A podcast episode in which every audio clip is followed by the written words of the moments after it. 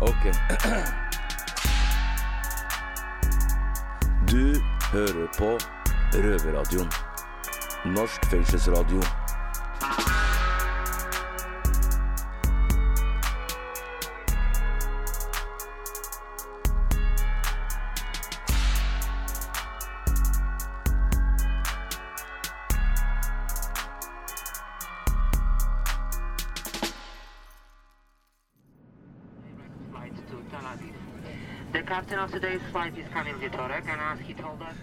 Som du hører, så er ikke denne episoden av Røverradioen spilt inn i fengsel.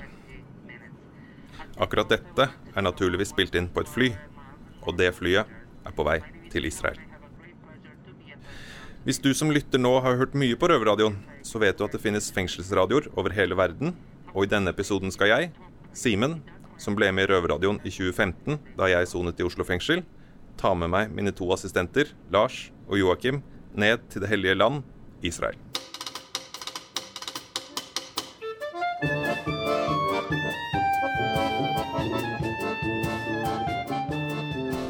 Røverradioen har faktisk vært i Israel tidligere for å besøke våre venner og kolleger i den lokale fengselsradioen der nede. Radio Fokus. Og da fortalte de oss en ting som vi har fundert på mye i etterkant. De sa til oss at så lenge de er bak murene, går israelere og palestinere godt overens. Og som tidligere innsatt så lurer jeg fælt på dette. For i min erfaring så pleier problemer og spenninger å bare bli større inne i fengsel. Som vi ofte, og med god grunn, refererer til som trykkokeren.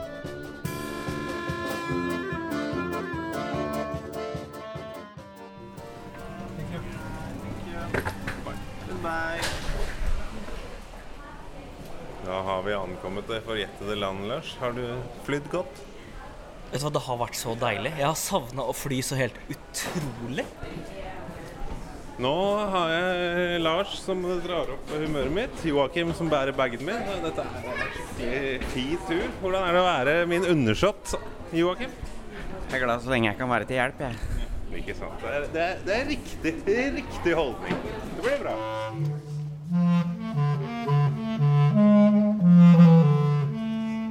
Det første man legger merke til etter man har landet i Israel, er at det er varmt. Det er en del ortodokse jøder rundt omkring, noe som jo er et eksotisk skue for folk som ikke har vært i Israel før. De har heller ikke noe godt utviklet køsystem i Israel. Alt dette, i tillegg til obligatorisk covid-test, gjorde at det derfor tok flere timer før vi endelig var ute av flyplassen. Når vi omsider var ute, prøvde vi å finne oss et rolig sted å spise og legge slagplanen for morgendagen. Men det var såpass sent på kvelden at det eneste stedet som var åpent, var en pizzasjappe hvor de spilte dundrende høy teknomusikk. Så det skal du slippe å høre.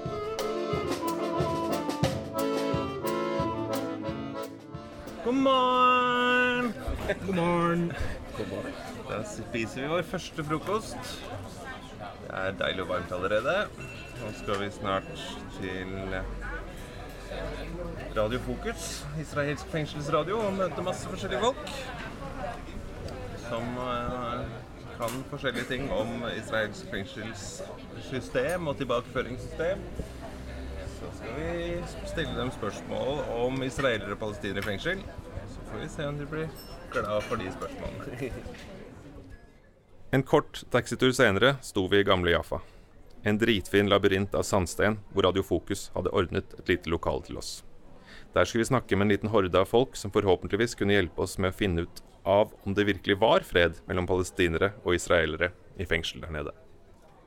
Det skal sies at det å dra til et fremmed land med store etniske spenninger for å spørre om etnisitet, er en smule skummelt. Den profilerte Al Jazeera-journalisten Shirin Abu Akle ble drept av israelske styrker ikke så lenge før, så stemningen var en smule anspent. Jeg, Simen, har jo som du hører en helt nydelig stemme. Det vet jeg veldig godt. Men jeg har allikevel hanket inn vår språkrøver Maiken, så det blir litt enklere å høre hva som er vår oversettelse. Takk skal du ha. Bare hyggelig, Simen. Jeg skal gjøre mitt beste. Ok, we're here with uh, two of the main people of Radio Focus. Can you introduce yourself? Uh, yes, I'm uh, Karin Obadia, and I'm the founder and the producer of Radio Focus. I'm Tal Schmidt. I'm the station manager. Karin Obadia er grunnleggeren av Radio Fokus og produsent, og Tal Schmidt er daglig leder for radioen. I'm not, I'm not working with, uh, I didn't work with, with prisoners. I'm not a social uh. Simen spør om hvorfor Karine ville starte fengselsradio. Og hun forteller at hun kom helt utenfra. Hun hadde ingen tilknytning til fengselet. Ikke i jobbsammenheng, ingen far eller bror i fengselet. Men som person er hun en som alltid søker å finne løsninger, sier hun. Og hun mente at fengselsinnsatte var en gruppe som trengte å bli hørt, og at samfunnet trengte å høre deres stemme. This is, this is prisoner, brother, or Dermed begynte hun en prosess som skulle vare i tre år, for å overbevise om at det er viktig. But I will say something that I never said before, just for you. Og så forteller hun oss noe hun sier hun ikke har fortalt offentlig før. I was attacked. Okay, like in uh, 1988. Um, I 1988 ble hun utsatt for et seksuelt overfall, og hun tror at hun ønsket å reparere noe. At en del av hennes motivasjon er å endre mennesker som har utøvd vold. uh, of things. Uh, but, but yes, this is one of the main reasons too, is to change, uh, to change people that are violent. It's also something that's important to me. Yeah. Tell what, why did you want to be with Karin on her I, project? ha- I have to say that in the beginning I didn't understand what what what is Radio Focus. You know? Tal på sin side innrømmer at han i begynnelsen ikke helt forsto hva Radio Fokus skulle være. Han tenkte det hørtes kult ut, men forutså ikke hvordan det ville påvirke livet hans. When I thought about it more, I understand that radio changed my life when I was a kid. My mother passed away when I was 11. It made me a very problematic kid that they want to send out from school. And uh, somebody, when I was like in 15 years old, somebody said, uh, let's put him in the radio. There was a radio that. uh, Han sier radio har reddet livet hans før. Han mistet moren sin da han var life. 11 og ble et problembarn som var på vei til å droppe ut av skolen da noen fant på å putte ham på radioen, sier han. Der lærte han å snakke for seg, ta ansvar, og uten radioen vet han ikke hvilken retning livet hans ville tatt. you know, the radio changed my life and saved me. Because if not, they're gonna kick me out from school, and I don't know where you know where my life going. And Radio Focus now also changed my life. You know, changed the the perspective. Radio Fokus har endret livet hans på en annen måte. Endret perspektivene hans på livet. So, Tal, you work with uh, the, the prisoners in the radio station on a daily basis. Yeah. And what's like the environment between the your prisoners or prisoner employees or whatever you call them? I call them most of the time. I call them my employees. You know, I don't Yeah. call them. Tal jobber daglig med de 25 have innsatte som er 25. tilknytta radioen, og kaller dem sine ansatte. one of the things that I remember, I believe Karin also, when we had like two two day family days, that the families of the prisoners came inside the radio. En av de tingene som har gjort inntrykk på ham, er når de har invitert de innsattes familier til radioen. Og familiene forteller om hvordan deres familiemedlem har forandret seg. Endringen fra å ringe hjem og være sint og hate alt og alle, til å stolt be dem søke ham opp på Wikipedia. At de kan føle endringen hos de innsatte, og at de gjør noe bra med radioen. We don't give up on people. And they feel that, and even that it's very Karim sier at de har tro på de innsatte, og ikke gir dem opp. At de innsatte merker det, selv om det er vanskelig for dem noen ganger. For det er det motsatte av det de har erfart tidligere i livet. "Okay, we care about you, you are Men det er vår måte å vise omsorg, og at vi bryr oss om dem, sier Karin. I, I want to give an example about how people. It was uh, two years ago, one year ago.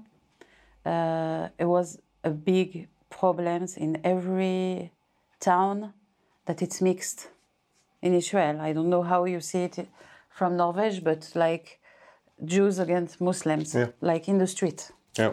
Yeah. And uh, four inmates came Two Jewish, two, Jo- two Arab. to Arabs. They say we want to show how we live together. Karin vil gi et eksempel fra i fjor, da det var gatekamper mellom jøder og muslimer i mange store byer i Israel. Og fire av de innsatte, to jøder og to arabere, sa at de ville lage en sending om hvordan de lever sammen i fengselet. Så de satt i studio og fortalte om det, og om hvorfor det er viktig. Karin sier hun ble rørt da hun hørte på dem, og at det viser at innsatte også har noe å lære bort til samfunnet. Men dessverre ombestemte de innsatte seg, og ville ikke at sendingen skulle bli publisert, for de var redde for at det ville gjøre ting verre. So we didn't, but I think that solidarity is something that they are learning in the Radio Focus, like to be for each other. Men denne solidariteten og det å være der for hverandre, det er verdier de får av å jobbe med hverandre i Radio Fokus, sier Karin.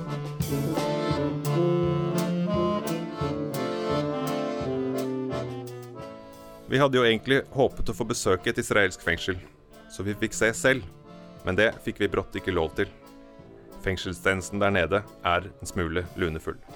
Okay, now we're here with Eyal Gover. He's the, the assistant director I was I was um second in command. It's it, but I, there, there was no Eyal Gover var en av seks underdirektører i israelsk fengselsvesen eller kriminalomsorg.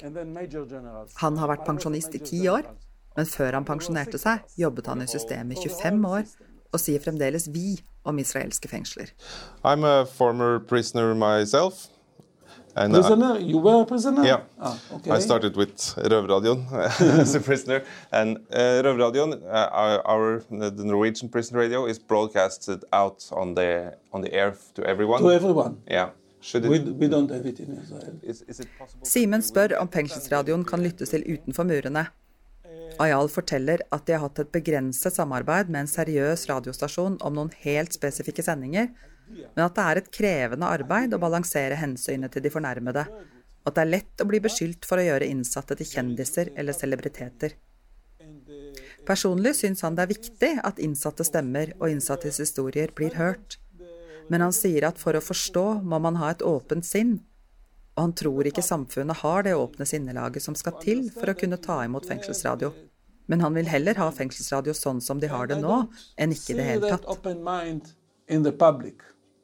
So if we have something that is partly good, Yeah. I rather keep it. Yeah. I was retired when, when Karin approached me, and uh, she told me about her vision, yeah. from the beginning. Han var allerede pensjonist da Karin kontaktet han med en intensjon om å lage fengselsradio, og han forteller at han umiddelbart elsket ideen og ble med på prosjektet. So I, I, I loved it very much. I, we, we made a team. yeah. Was it hard because the prison system, at least in Norway, is a very conservative system? So everything that is Simen spør om det var vanskelig å få innpass i et konservativt fengselssystem med et sånt prosjekt. It is conservative, of course. Uh, if you want to be um bold, you, Yeah. say, you, you can say that it's uh, uh, paranoid. Yeah. And we, we have, uh, I still say we, Yeah. uh, I'm 10 years out. yeah. Um the prison service have Men Ayal forklarer at selv om systemet er konservativt og til og med kan oppfattes som paranoid, sier han, så finnes det også mange ambisiøse planer innad i systemet. Og bak dem står folk som er villige til å prøve ut nye ideer. Så ideen om fengselsradio ble godt mottatt av fengselsmyndighetene. Yeah. So you worked in the prison systems for many years. 25. Yes. Is there a lot of like, is it big differences between big uh, different prisons, or is it Yes. so? There's like uh, Um, prisons that are very we- we- liberal, or the- it's, there are 33 prisons.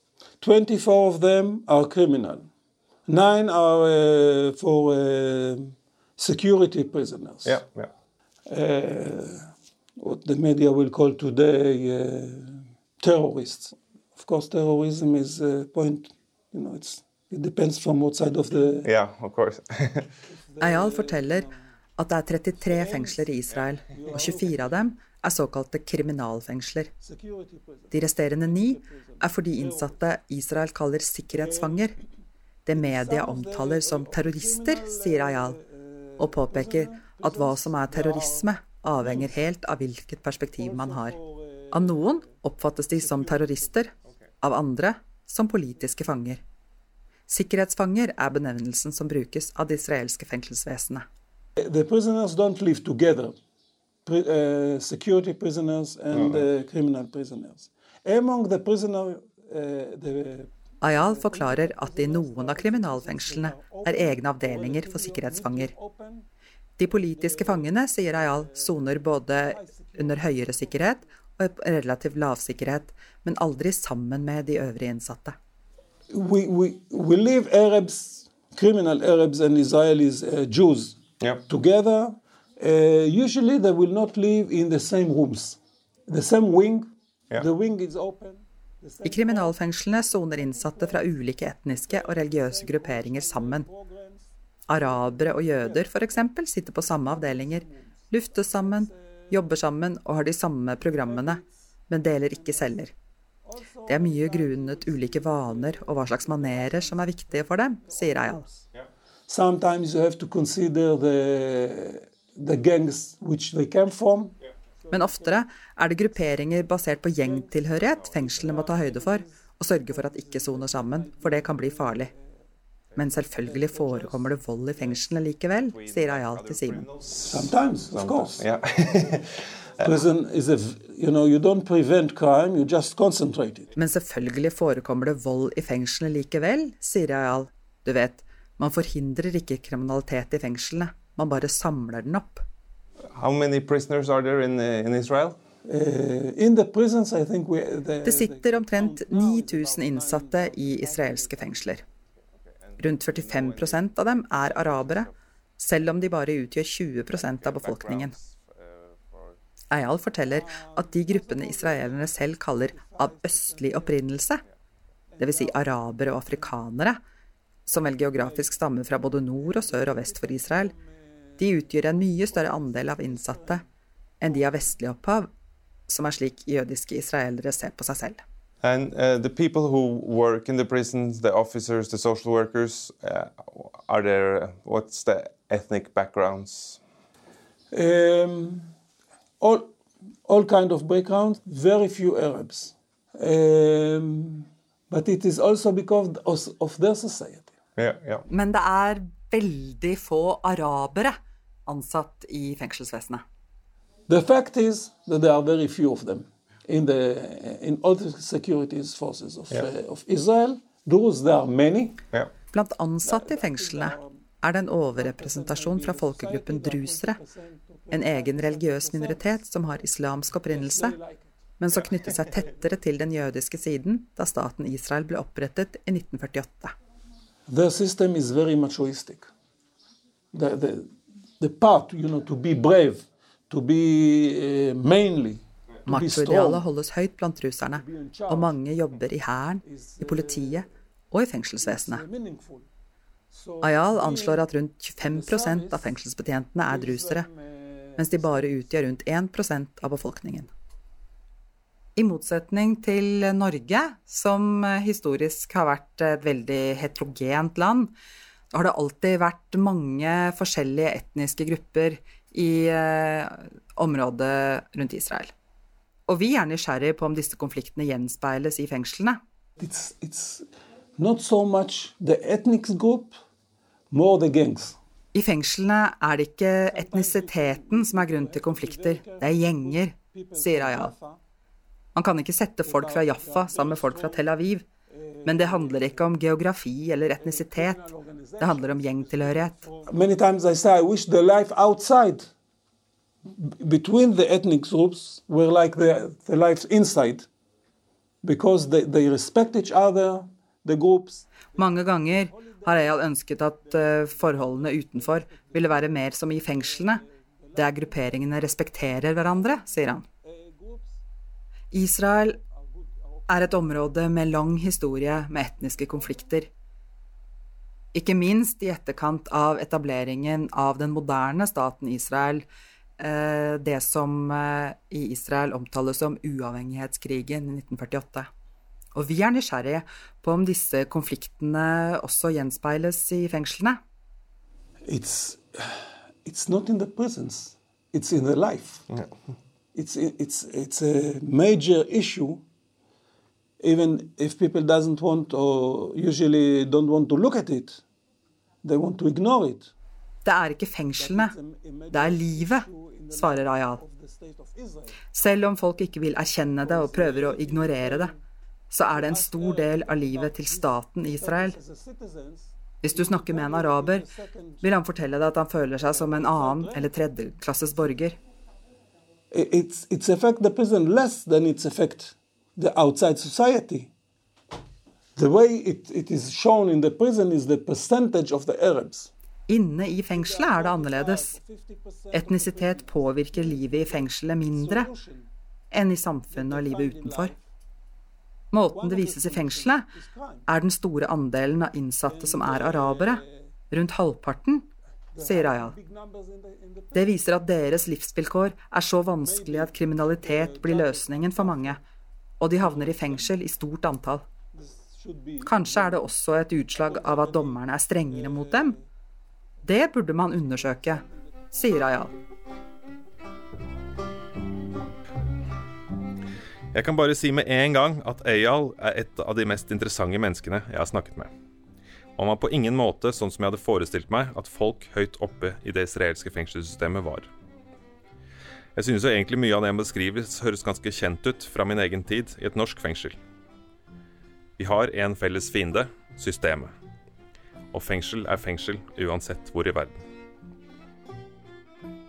Vi hadde jo egentlig håpet å få besøke fengselet, så vi fikk se selv så da var vi veldig glade da vi fikk vite at vi kunne prate med Rami. Uh, uh, vi spør uh, hvorfor Rami er i fengsel i utgangspunktet. Tyveri, dokumentforfalskning og vold, svarer han. Me too. det samme som Simen, altså.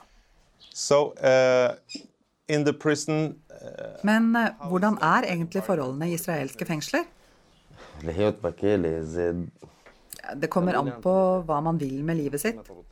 Hvis man ønsker å endre seg, så fins det programmer man kan gå på og ting man kan lære. Men man må velge selv. Du kan velge å bare gå videre på, på det du kan og, og, den veien du har gått. Eller du kan velge å endre livet ditt. He's a Arab, Israeli and a Muslim. Rami er en israelsk araber og muslim. Og hvordan er muligheten for ham å praktisere sin religion i fengselet? Ja, I fengsel så kan du være hva du vil. Eh, du kan be, og, og, og du kan følge din egen religion uansett hva den er. Og på radioen markerer vi alle de religiøse høytidene og feirer dem sammen. So, uh, in the prison there are people from different like ethnic groups. Uh, er de forskjellige etniske grupperingene segregert på noen måte i fengselet? No. no. I fengselet er man med alle. Jøder, muslimer og kristne. Det er godt, fordi det føles som om vi er like. I fengselet er vi alle oransje. Det er en referanse til eh, fengselsdraktene alle innsatte bruker i Israel. Akkurat som i Orange is the New Black. So, so everybody has the same like uh, enemy, and that's the system? Så alle har samme fiende, og det er systemet? True. Det er sant. Can you tell me uh, about your experience Men uh, with hvordan er det egentlig i fengselsradioen der, og hva er erfaringen med Radio Fokus? Det har vært en stor opplevelse og en viktig erfaring, og helt nytt for meg. Det har kommet liksom på innsiden av meg og vært en av de beste opplevelsene i livet. I a former prisoner myself, so I've had the same thing in Norway. yes. Og Simen sier at det er den samme erfaringen han har hatt uh, i Norge med Røverradioen. Do, you, do you use like your knowledge Men Bruker Rami noe av det han lærte i Radiofokus til daglig? In your daily life now? כן. Yes. Før hørte jeg ikke etter når folk pratet til meg, sier Ami. Men i radio må du lære deg å lytte, og det er noe jeg har tatt med meg og prøver å gjøre hver dag nå. Føler du at radioen har bidratt til å bringe folk med forskjellige bakgrunner sammen? Ja, og det er derfor jeg mener at vi burde sende radio utenfor fengselet også. Så de på innsiden og de på utsiden også kan forstå hverandre bedre. Thank you. Thank you.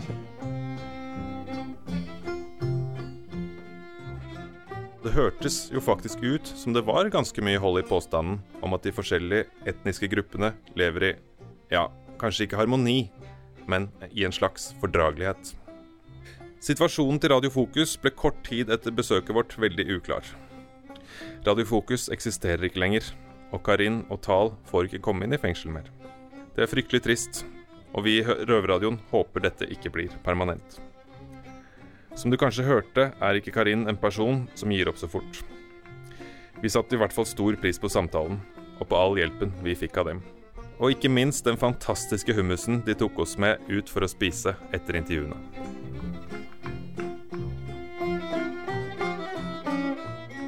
Da står jeg her i studioet vårt på Storo med mine to undersåtter, Lars og Joakim. Morgen. Halla. Ja, det var en ganske vellykka tur, tur syns jeg. Ja, det syns jeg. Jeg føler at vi med en viss selvsikkerhet kan si at svaret på det her spørsmålet er at i vanlige fengsler, criminal prisons som de kalte det, så er det faktisk i det store og det hele fred og fordragelighet. Ja, jeg sitter egentlig igjen med samme følelsen, ja. Det var jo det som ble sagt av alle vi snakket med, så det er jo Ja.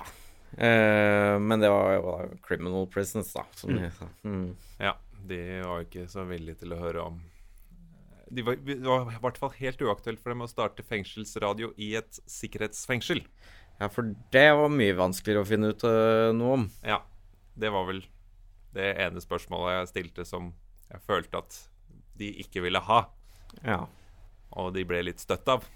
Ja, for vi var jo litt bekymra på noe sånn Hva er det vi kan spørre om uten at folk blir uh, fornærma og sånn. Ja. Men det er jo noen asterisker her.